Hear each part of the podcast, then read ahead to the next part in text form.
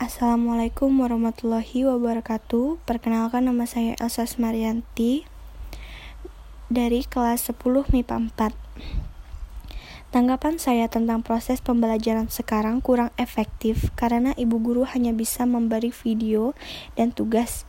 Itu pun bagi siswa yang malas tidak akan menonton video tersebut dan menjawab tugas hanya tinggal mencontek punya temannya. Juga, banyak anak yang tidak mengerti terhadap tugas tersebut dan takut untuk bertanya. Kendalanya menurut saya yaitu di teknologi, karena banyak siswa yang kurang mampu untuk membeli kuota dan siswa sering bosan karena tidak belajar langsung seperti biasa.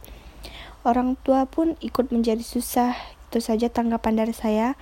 Maaf jika ada salah kata. Saya akhiri dengan wassalamualaikum warahmatullahi wabarakatuh.